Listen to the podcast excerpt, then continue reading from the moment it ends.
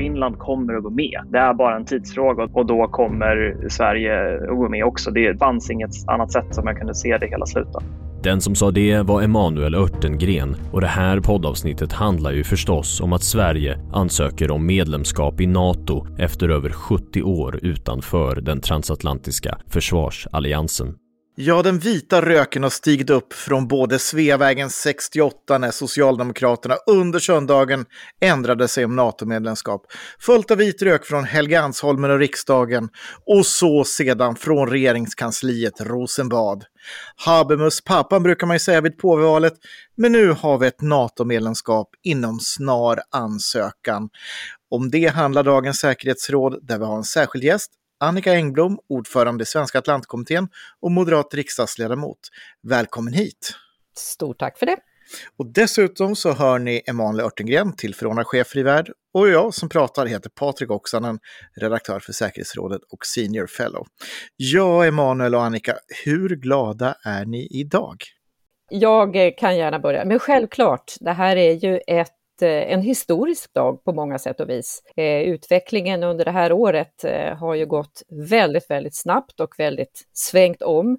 Och efter att Svenska Atlantkommittén grundades 1996 av Ann-Sofie Dahl, Henrik Landerholm och Magnus Dahl så har ju Atlantkommittén drivit den här frågan ska vi säga, ja, väldigt intensivt vad det gäller både det försvars och säkerhetspolitiska samarbetet, eh, frågor kring den svenska egna försvarsförmågan och eh, självklart också ett eh, NATO-medlemskap. Så att eh, det här känns ju oerhört bra och nödvändigt ska jag säga. Så att om jag är glad, absolut.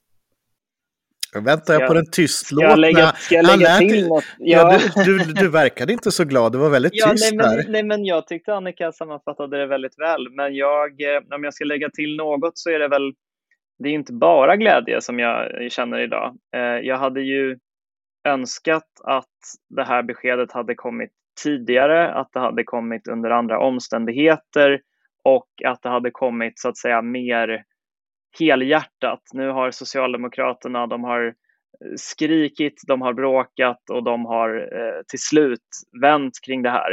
Eh, men det här hade ju inte skett. Jag tyckte man fick nästan intrycket om man tittade på till exempel Agenda i SVT igår att det här är Socialdemokraterna som har gjort den här svåra omprövningen och det stämmer ju delvis. Men det här är ju tack vare opinionsbildning från andra under lång tid som har banat väg för det här beslutet. Och sen tyvärr då så är ju sista, sista spiken i kistan är ju Putins fullskaliga invasion av Ukraina. Så är det ju. Ja, jag vill, jag vill det, hålla med precis som det, att eh, glädjen är ju, alltså smolket i glädjebägaren är ju förstås precis det som eh, du Manuel tar fram här, att eh, det här uppenbara att eh, Sverige inte kan stå på egna ben eh, säkerhetsmässigt Eh, och har väl egentligen aldrig kunnat göra det.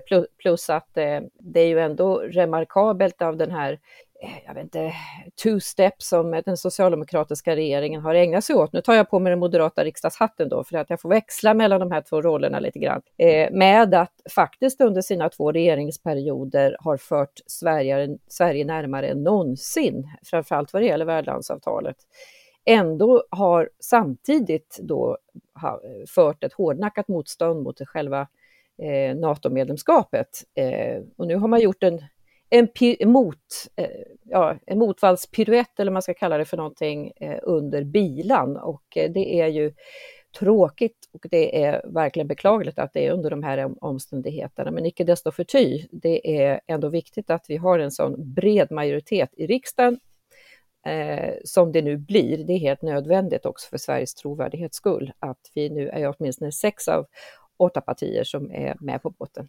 Annika, du är ju ordförande för, för Svenska Atlantkommittén. Eh, vi kan kalla det för NATO svenska fanclub sedan 96, eh, då när, när Atlantkommittén i, i Sverige föddes. Eh, men trodde du att du som ordförande eh, att du skulle få uppleva under din ordförandeperiod ett svensk eh, NATO-ansökan och ett svenskt NATO-medlemskap? Ja, inte under de här omständigheterna, eh, men om vi säger så här att eh, det är väl ändå att notera, tycker jag, eh, som också haft eh, väldigt mycket kontakter med mina bland annat socialdemokratiska kollegor eh, i riksdagen under ett tag och eh, också ute i landet av att eh, det även inom den rörelsen, framförallt eh, bland de yngre, har eh, trots SSU ställningstagande, så skulle jag säga då bland de yngre medelålders, eh, ändå finns ett, ett mera ska säga, avslappnat förhållande till ett NATO-medlemskap. Så att, skulle jag tro att det var under min, min ordförandetid? Ja, jag kanske hade trott att det skulle eh, kanske dröja längre eh, fram i tiden, men ändå att jag har sett tendensen över att Socialdemokraterna ute i, i bland de yngre medelålderns medlemmar ändå har, har eh, varit mer tillvända NATO än vad kanske partiledningen hittills har uttryckt. Mm. Det är ju ingen överraskning för våra lyssnare och, och för den som följer Fri Värld att Fri Värld äh, har länge varit för ett svenskt NATO-medlemskap heller. Eh, Emanuel, när, när, när började du tro att det faktiskt skulle bli så här? Ja, Eh, Ehm, jag blev väl helt övertygad när du och jag, Patrik, var tillsammans med Frivärds eh, eh spetsutbildning för, för unga yrkesverksamma och studenter som heter Utrikesakademin i Helsingfors. Det var i slutet av mars, början av april, precis den skarven. För att jag trodde nog ändå att nej men det som kan ändra även svenska socialdemokrater när det gäller frågan om svenskt NATO-medlemskap, det är vad Finland gör. Och när vi var på plats i Finland så blev det ju klart, det framstår verkligen med all önskvärd tydlighet att Finland kommer att gå med. Det är bara en tidsfråga och de vill ha en ordentlig process i Finland där man förankrar det eh, inom varenda riksdagsparti, inom riksdagen i olika utskott och eh, de, de ville göra klart det. Men det var väldigt, väldigt, väldigt tydligt vart, vartåt det barkade. Eh, och där och då insåg jag att ah, men Finland kommer gå med och då kommer Sverige att gå med också. Det, det, det, fanns inget annat sätt som jag kunde se det hela sluta. Mm. Så du trodde inte på mig när jag sa det eh, en månad tidigare när Frivärd träffade de borgerliga ungdomsförbunden att nu är det klappat och klart? Jo, men jag, jag trodde väl på det, men det blev en helt annan sak att eh, se det och uppleva det på, på plats också. Att det var en sån eh, sån, sån självklarhet och, och framförallt så tror jag inte riktigt att jag som som du kallade det för, rikssvenskt och inte riktigt förstod eh, eh, hur tydligt man såg de här parallellerna i Finland mellan kriget i Ukraina och eh, vinterkriget. Eh, det, det, är en väldigt djup erfarenhet i Finland och det framkom ju också under den här finska riksdagsdebatten idag att många hänvisade till släktingar som varit med i det kriget eller upplevt det kriget. Så att Finland ser på det här kriget på ett annat sätt än vad vi gör i Sverige. Men det minne som sitter i Sverige det är ändå att nej men vi har stått utanför NATO av hänsyn till Finland och när Finland nu går med så har det kanske tyngsta argumentet som vi använt mot NATO historiskt ändå fallit. Och det förändrar förutsättningarna även för Sverige. Mm. Ja, eh, vad det gäller Finland eh, så eh, har ju de med både med en NATO-option sedan 90-talet legat på förkant vad det gäller att eh, liksom förber vara förberedda på den här processen. Och det gäller ju både riksdag och, eh, och eh, parlamentet, eller säga riksdagen och eh, regeringen ska jag säga. Och det, det var, blev ju väldigt, väldigt tydligt eh, sedan eh, Finland så att säga, tryckte på sin knapp om att sätta igång den här processen, att det gick i rasande fart. Vi hade möte med den finska ambassadören med NATO-delegationen här eh, någon gång i början av mars och redan då så flaggar de för att det här kan vara väl, gå väldigt, väldigt snabbt och eh, bli klart någonstans i, ja, det skulle ta en månad, tre veckor ungefär. Och det visade sig att man var så snabbfotade. Det är lite finskt sisu. Här har vi ju släpat fötterna efter på ett annat sätt, men eh, samtidigt måste jag säga att vi, eh, jag tycker det är ändå otroligt viktigt att på det här sättet som, eh, eh måste jag säga till regeringen, att man har hanterat den här frågan med eh, Eh, att vi ska gå parallellt, att det ska vara eh, parallella processer och att vi ska ha ambitionen att lämna in eh, NATO-ansökan eh, på samma gång. Och det, förhoppningsvis ser det ut att, bli så någon gång här i veckan om, om informationen stämmer. Men just det här, vi har ju lagt ner så otroligt mycket tid och ansträngningar i att också Eh, ha det här nära samarbetet Sverige-Finland emellan och eh, därför är det så väldigt, väldigt viktigt att vi går på samma front i den här frågan också. Och där kan man väl säga så här att Finland har ju haft ett väldigt tydligt ledarskap och beredning i det här.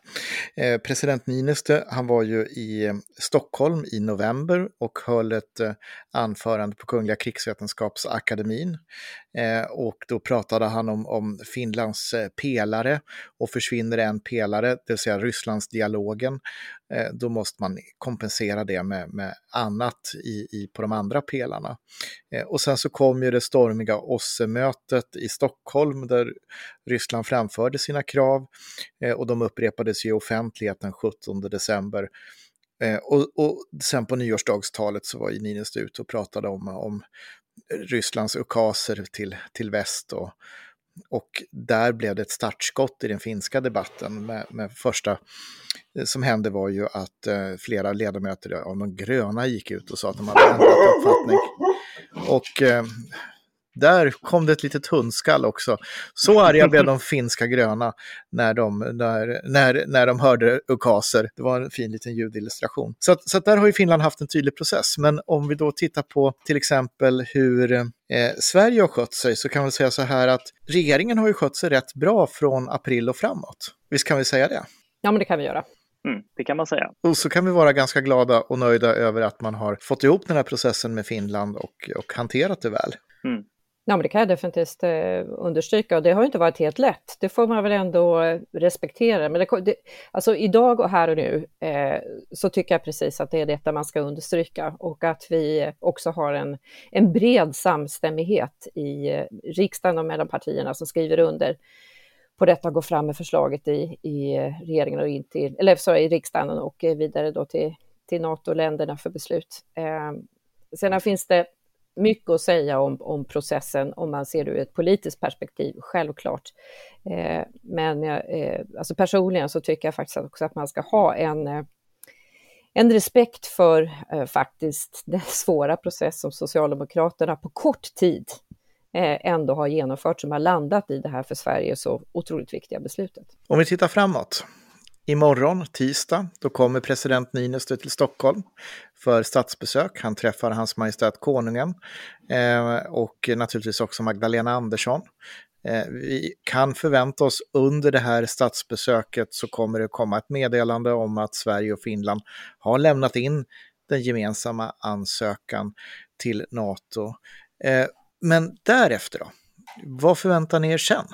Emanuel? Ja, det, ja det, det, det, första som jag ändå tycker att vi måste vara förberedda på, vi kommer kanske in på det lite senare också, men utan att säga för mycket så träffade jag en person idag som, som har insyn i den här typen av processer och den personen sa så här att det här som Erdogan sa förra veckan, precis bara Eh, timmar efter att Finland hade meddelat att de skulle med och det ser ut som, såg redan då ut som att Sverige också skulle söka om NATO-medlemskap då kom ju Turkiets president Recep Tayyip Erdogan ut och sa att eh, han tycker att Sverige och Finland hyser terrororganisationer, jag antar att han syftar på kurdiska organisationer då, och att han var skeptisk till svenskt och finskt NATO-medlemskap.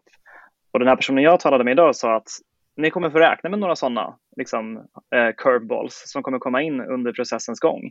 Eh, Kroatiens president var ute för några veckor sedan också och var skeptisk till ett svenskt eh, NATO-medlemskap. Så att det kommer komma in några sådana där saker och då får vi ha lite is i magen. Vi kommer att, många av våra liksom, diplomater som är stationerade på ambassader runt om i Europa kommer säkert att behöva eh, göra lite, lite fotarbete, men det handlar i de allra flesta fallen faktiskt mindre om oss och mer om vad de länderna vill ha, ofta i utbyte av eh, USA eller Storbritannien eller Frankrike, någon av de mer, eh, liksom mer inflytelserika NATO-länderna. Turkiet vill ju till exempel köpa amerikanska jaktplan, har velat det länge och har ju varit, eh, försökt blockera eh, NATO-beslut tidigare av, av, liknande skäl. Så att eh, förvänt, vi ska nog förvänta oss lite turbulens eh, i, i själva processen. Det kommer kanske inte vara helt smooth. Det kan ta lite tid i amerikanska senaten till exempel. Eh, det tar alltid tid att få igenom saker där. Eh, så jag, jag, tror att vi, vi, vi ska inte tänka att det är över nu. Att nu är det liksom formellt klappat och klart, utan nu så behöver vi också göra lite heavy lifting så att säga. Mm. Men vi ska inte bli, få panik och tro att det inte blir av. Nej, precis, utan liksom, det här är Erdogan, att folk var ju liksom i spinnen hela eftermiddag över att han sa någonting och då tänkte jag så här, nej men kom igen, det här är this was to be expected och mer kommer vi kunna förvänta oss framöver också. Det här tror jag kan vara också den, eh, eh om vi speglade vad som kommer att hända framöver, för du beskriver det väldigt väl Emanuel, eh, vad vi har att eh, förvänta oss. Grundläggande är då att hos majoriteten ändå av eh, nuvarande NATO-medlemmar är att den är väldigt positiv och framförallt från de, de mm. tongivande eh, ska säga, eh, ja, Turkiet är ju en, en stor, den största i Europa, eh, NATO-medlem, men icke desto förty så ifrån de eh, eh, mer västliga NATO-länderna så är det ett, eh, en positiv presumtion så att säga. Men det här kanske det ska bli intressant att följa lite grann i svensk respektive finsk media hur, eh, hur det här ska, och det, det, kan ju vara ett ämne för framtida diskussioner här om inte annat i podden eh, med hur man ser, och, alltså hur man eh, av de här förväntade hiccups på vägen eller diskussionerna eller vad det nu kan vara, hur man hanterar det i respektive media. Eh, jag tror att vi är lite mera eh, herrgårds, som herrgårdsfröknar här lite grann i Sverige. Det vill säga att oh! och så svimmar man för, för minsta lilla doft som far förbi. Eh, medan jag tror att man är lite mera sisu i Finland och tar det lite mera med ro. Eh, så att någonstans däremellan, alltså framförallt vi som är eh, politiska företrädare och företrädare för, för eh, eh olika organisationer som, som gärna vill se det här i hamn, att man ska ta det lite eh, analyserande och eh, ta två steg baka, tillbaka innan man kanske far ut i invektioner. Ja, man är nog inte rädd för dofter där på Sarjärvers förfrusna moar. Eh, så, det, det, det håller jag helt med om. Men, men vi kommer att få räkna med lite så här inrikes utrikespolitik i, i olika länder med utspel, kanske också för, en, för att få blåsa upp sig själv och, och, få lite samtal från folk som man inte har pratat med länge eh, och en del asymmetriska utspel. Vi ska komma ihåg att Erdogan då med de där flygen, då Emanuel som du nämnde, så är jänkarna inte så glad på Turkiet efter att de köpte ryskt luftvärn. Så att det, mm. det finns komplexa relationer att ha det här. Men en skillnad som jag reflekterar kring är ju hur mycket starkare Turkiet är i den svenska NATO-debatten än vad den är i Finland. I Finland är det ju en inte-fråga, medan i Sverige, särskilt hos vänsterpartister, så är det ju det är liksom så här, ja, Nooshi Dadgostar har väl varit ute och pratat om att uh, skicka svenska pojkar och flickor och döda kurder åt Erdogan i den terminologin. Ehm, eh, mm. Så. Eh, ser ni några andra skillnader i, i svensk och finsk eh, reaktion här på, på hur omvärlden ser ut och hur, hur det här avspeglas i den interna NATO-debatten? Det var ju en bra fråga. Nej, eh, jag tror att jag försökte beskriva det ganska eh, i tidigare inlägget här, att det är, det är mera laid back i, i Finland. Man, liksom, man snabbt bestämde sig för en linje och sen går man på den. Eh, jag kan nog förvänta mig, vi ska också betänka att det är valår i år också och det här är ju en en fråga som kommer att spela in under valrörelsen. Det är jag övertygad om. Och, eh, och av den orsaken och också att vi, eh, ska vi säga, eller inte vi kanske partier som för länge sedan satte ner eh, pålarna vad det gäller att, ska säga, att främja ett, eller förespråka ett, ett NATO-medlemskap så eh, kan det väl nog bli lite svajigt på vänsterkanten. Vad det gäller Nooshi Dadgostar så lyssnade jag på henne i riksdagsdebatten då och eh, ja, det var väl inget nytt. Det är samma världsfrånvändhet eh, i det partiets argumentation som man för med rena falsarier skulle jag säga vad ett NATO-medlemskap mm. innebär. Jag tycker det är oerhört oseriöst av en partiledare att föra sån argumentation i en för, Sveriges eh, försvars och säkerhetspolitiska eh, läge som vi befinner oss i att, eh, att faktiskt bete sig på det sättet. Det är att vilseleda både sina egna och andra väljare. Och samtidigt paradoxalt så var hon ju med i lördagsintervjun hos Sveriges Radio, Ekots lördagsintervju.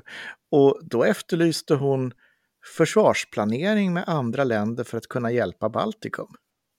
Se där, den eh, missar jag. Ja, Hur får hon ihop det då? Ja, det får hon inte, men vi kanske får bjuda in henne till den här podden och be henne reda upp det här för att uh, jag noterade det med, med, stigande förvåning att, att hon, när det kom liksom till säkerhetspolitik i närområdet, så då, då var det plötsligt liksom egentligen ja, bara köra på.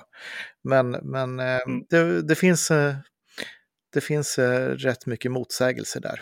Ja, jag, jag, tänkte bara lägga till en sak vad gäller skillnaden mellan Sverige och Finland. Jag, jag tänkte på det när du nämnde att Turkiet spelar en mycket större roll i den svenska debatten. En annan sak som, som jag uppfattar i alla fall spelar mycket större roll i den svenska än i den finska debatten, det är ju det faktum att Nato är eh, en kärnvapenallians. Eller att den, alltså ytterst så bygger Natos avskräckningsförmåga på att alliansen, eh, framförallt då USA och Storbritannien, Frankrike står ju faktiskt utanför Natos kärnvapenplanering, men att de, de besitter kärnvapen och det, det gynnar avskräckning. Och när Finlands statsminister Sanna Marin var i Stockholm för några veckor sedan, då lyfte ju hon det här faktumet som en fördel med NATO-medlemskap. Medan i Sverige så vill man helst eh, gömma undan det eller glömma det eller så är det någonting som gör att väldigt många, framförallt inom socialdemokratin som har en historia att driva på för nedrustning med Alva Myrdal och, och eh, framåt, eh, alltså att man våndas verkligen. Eh, och det här, eh, om jag har uppfattat saken rätt så kommer det här också påverka vilken typ av ansökningar som Sverige och Finland skickar in. Att om jag har förstått saken rätt så kommer Finland att skicka in en ansökan utan några förbehåll.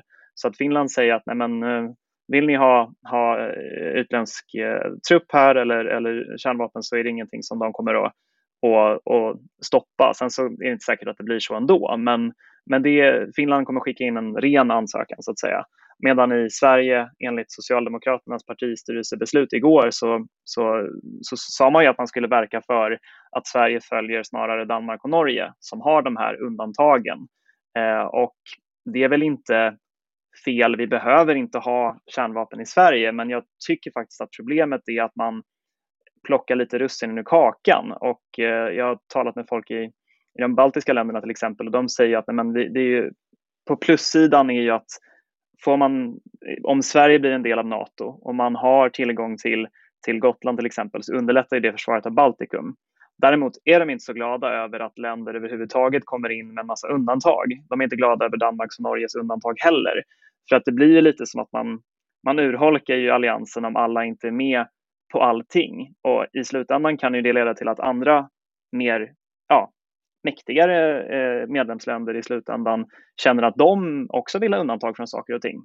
Frankrike har ju ett undantag från kärnvapenplaneringen till exempel och sådana där saker kan ju faktiskt urholka alliansens förmågor i, till syvende och sist. Men, men det här med kärnvapen ska vi bara flika in och säga att i praktiken så är ju det en inte-fråga. Därför att det finns ja. ju väldigt få taktiska kärnvapen eh, som, som USA har. Och då ska vi komma ihåg att Frankrike har inga taktiska kärnvapen, Storbritannien har inga taktiska kärnvapen. Och de taktiska mm. kärnvapen som USA har, det är flygbaserat. Så allt snack om att NATO-fartyg kan ha alltså, kärnvapen är ju, är ju liksom, eh, ja, det är precis vad det är, goja. Eh, och de amerikanska flygvapnens taktiska kärnvapnen då, då finns det typ 15-20 stycken i Tyskland.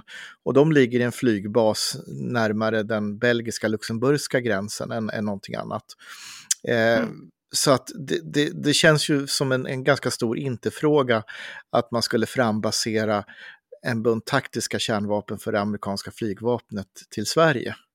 Eh, det kommer, man, det kommer man inte göra, men symboliskt spelar det ju roll. Symboliskt spelar det roll, men, men det, det, är ju då, då är vi inne på symbolpolitik. Den andra mm. frågan däremot är intressantare, när man säger nej till permanenta baser. Är mm. det så klokt, Annika? Skulle det inte vara bra att ha en NATO-bas på Gotland eller eh, i Boden till exempel? Jag frågade mig personligen så hade jag gärna sett det. Eh, vad jag förstår av uttalandena ifrån eh, Moderaterna, om jag tar på mig den hatten, så eh, vad det gäller kärnvapen eh, är det ju ett argument som eh, Moderaterna inte har svårt att gå med på, om man säger så. Vi eh, eh står ju bakom det, ska säga, ja, Sveriges linje av, av eh, nedrustning som vi, Emanuel pekade på sedan länge. Eh, och sedan idag så har vi ju i alla fall, i prakt ja, inte en fast bas, men eh, eh, NATO-styrkor har ju tillgång till svenskt eh, territorium idag genom vårt värdlandsavtal. Eh, men jag, kan, eh, jag är faktiskt lite osäker på huruvida det här, de här två argumenten egentligen spelar någon roll i själva ansökningsprocessen annat än argumentativt i så fall som eh, Emanuel pekar ut hur, vad det har för inverkan då på eh, ska säga, hur, hur andra länder ser på så att säga, den svenska delen, om vi nu skulle landa i detta. Eh, vilket det mesta tyder på att vi har de här förbehållen. Men jag är lite osäker på om det som sagt påverkar själva ansökningsprocessen. Jag, jag vet inte om, nu sitter jag och killgissar här lite grann pojkar, om, eh, om att eh, det skulle vara något större motstånd i Sverige som sådant om att ha en permanent NATO-bas. Jag har lite svårt att, att säga om det, men vi är ju tillvända, ska vi säga, eh, Europa. Vi tillvända eh, i stort ändå, har ett positivt eh, ska säga, approach till både våra grannar över Atlanten och så vidare. Så att, eh, jag vet inte om det skulle vara någon större motstånd mot det. Jag sitter och babblar här. Ta över! Personligen, personligen, personligen hade jag inte haft något emot att ha brittisk Nej. trupp på Gotland till exempel, eller en styrka ungefär som den i Estland, att det är brittiska, danska, tyska, så. Det hade inte varit något konstigt alls. Jag har ingenting emot amerikanska heller, men, men om man ska vara inne på motståndet och så där så tror jag att det blir betydligt mer eh, avdramatiserat om det är eh, från, från större europeiska länder. Det tror jag. Ja, ja men bra. Precis. Eller kanadensare. Ja, kanadensare är helt ofarliga som alla vet. men, men en sak som vi inte har pratat om som, som att vi inte vill ha, och vilket kan betyda att vi kanske vill ha det, det är ju gemensamma NATO-staber på, på svensk mark. Mm. Eh, och det sa ju Hultqvist på en direkt fråga då, försvarsminister Hultqvist, att, eh, att det hade inte partistyrelsen i Socialdemokraterna formulerat sig någonting emot. Så, så vad mm. tror ni, ska vi ha en NATO-stab i, i, i Boden som tar, tar befälet över hela eh, då norra området med Sverige, Finland, Norge eh, och kan, kan leda det som en enhet? Ja, det är den lösningen Norge har, så att, eh, och till, tillika Danmark. Så att eh, det ligger ju i så fall närmare till hands än en större bas, alla mm. eh, Tyskland exempelvis då, eh, Rammstein och liknande med stora flygbaser. Det, det tror jag ligger närmare till hands i så fall. Hur, mm. hur ser ni att det här NATO-medlemskapet då som förhoppningsvis blir ratificerat helst under det här året, hur, hur förändrar det här Sverige och eh, svensk försvarspolitik Ehm, vad tror ni?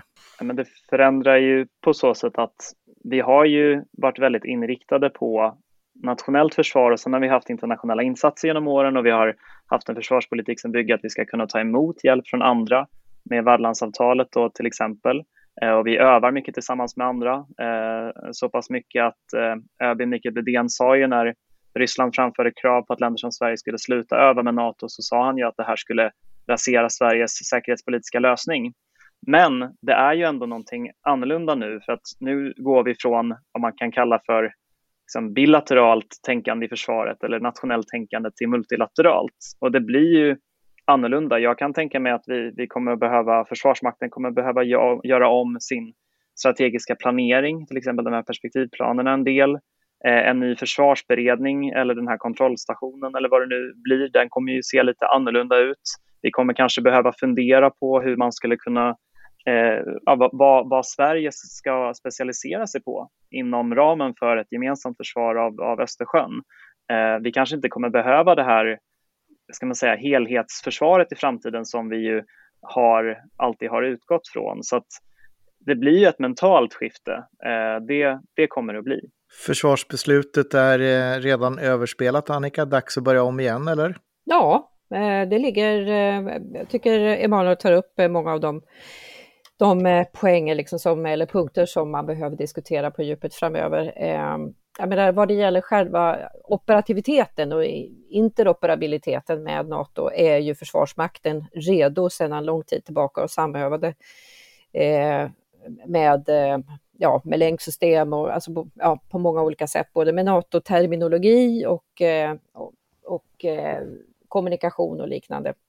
Ehm, men däremot eh, eh, så kommer det ju få eh, dels en direkt påverkan av att vi behöver bifa upp vår försvarsbudget. Ehm, och vi får se vad som kommer på bordet under den här veckan vad det gäller då att nå det här 2 målet mycket snabbare för att påvisa förstås att vi menar allvar med detta. Samt att precis det som Emanuel säger, att Eh, vi behöver titta över våra, alltså vad har vi för eh, olika kapaciteter som kan jacka in i så fall med övriga kapaciteter som vi har i, i framförallt vårt närområde, för vi får ändå tänka eh, Östersjön, eh, det ligger ju eh, oss närmast. Men här vill jag också lyfta in en aspekt som, som jag tycker är väldigt intressant. Det går ju, alltså ett NATO-medlemskap går ju utanför enbart Försvarsmakten och eh, förstås eh, den svenska krigsplaneringen i stort, utan det går ju också in på till exempel försvarsmateriel och vår eh, försvarsindustri. Och där har ju, har det ju uttalats ifrån, ifrån ja, ska säga, vd för våra stora försvarsföretag att det här kan faktiskt spela oss mera i händerna av att vara NATO-medlemmar i ska säga, de Eh, materiel och eh, försvarsmaterielaffärer framöver. Eh, för det ska vi inte sticka under stolen med att en del av våra stora försvarsmaterielprojekt som har varit under förhandlingar har haft ska vi säga, det har legat dem om bakfoten så att säga, att vi inte har varit NATO-medlemmar. Det här kan också faktiskt medföra att vi får en fördel med det och det är ju också en aspekt att ta in i det hela. Plus övriga försvarsmyndigheter också. Vad innebär det här för vår materielförsörjningsstrategi? Vad innebär det här för våra underrättelsemyndigheter? Det, det finns en hel del att eh, fundera över i detta. Mm. Och vad tänker Frivärd fundera kring i de här frågorna då framöver?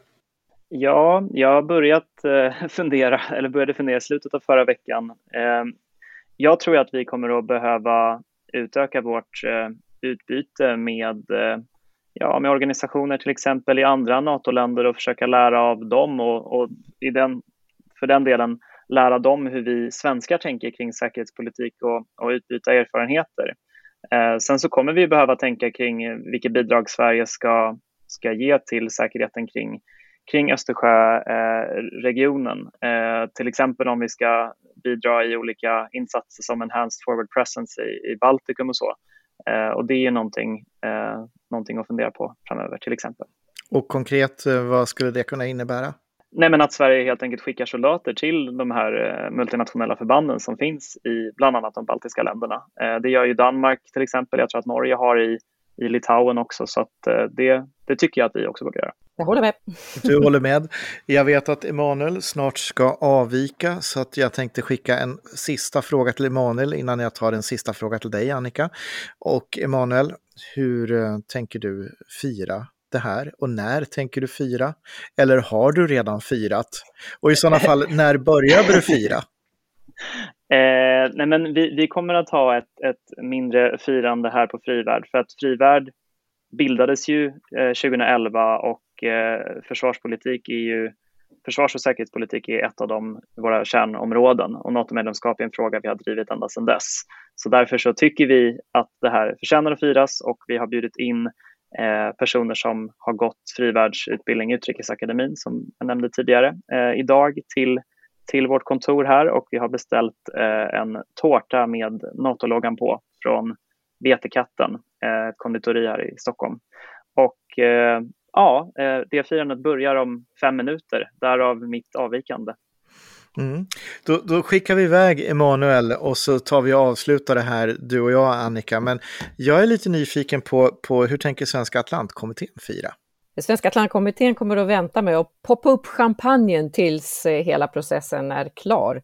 Men mellan dess ifrån nu och eh, fram till eh, att vi är fullvärdiga medlemmar så följer en tid av eh, väldigt intressanta samtal, debatter och diskussioner som eh, Svenska Atlantkommittén tillsammans med eh, Frivär och Timbro kommer att bjuda in till här under sommaren och hösten.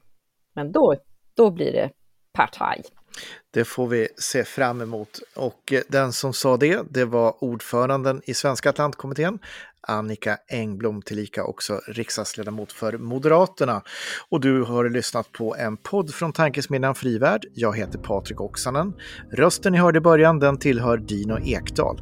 Dino har också gjort bearbetningen. Podden, den finns där poddar finns, så prenumerera gärna så att du inte missar ett avsnitt. Och kom ihåg, Sverige och friheten är värd att försvara tillsammans med andra. Motståndet upphör aldrig.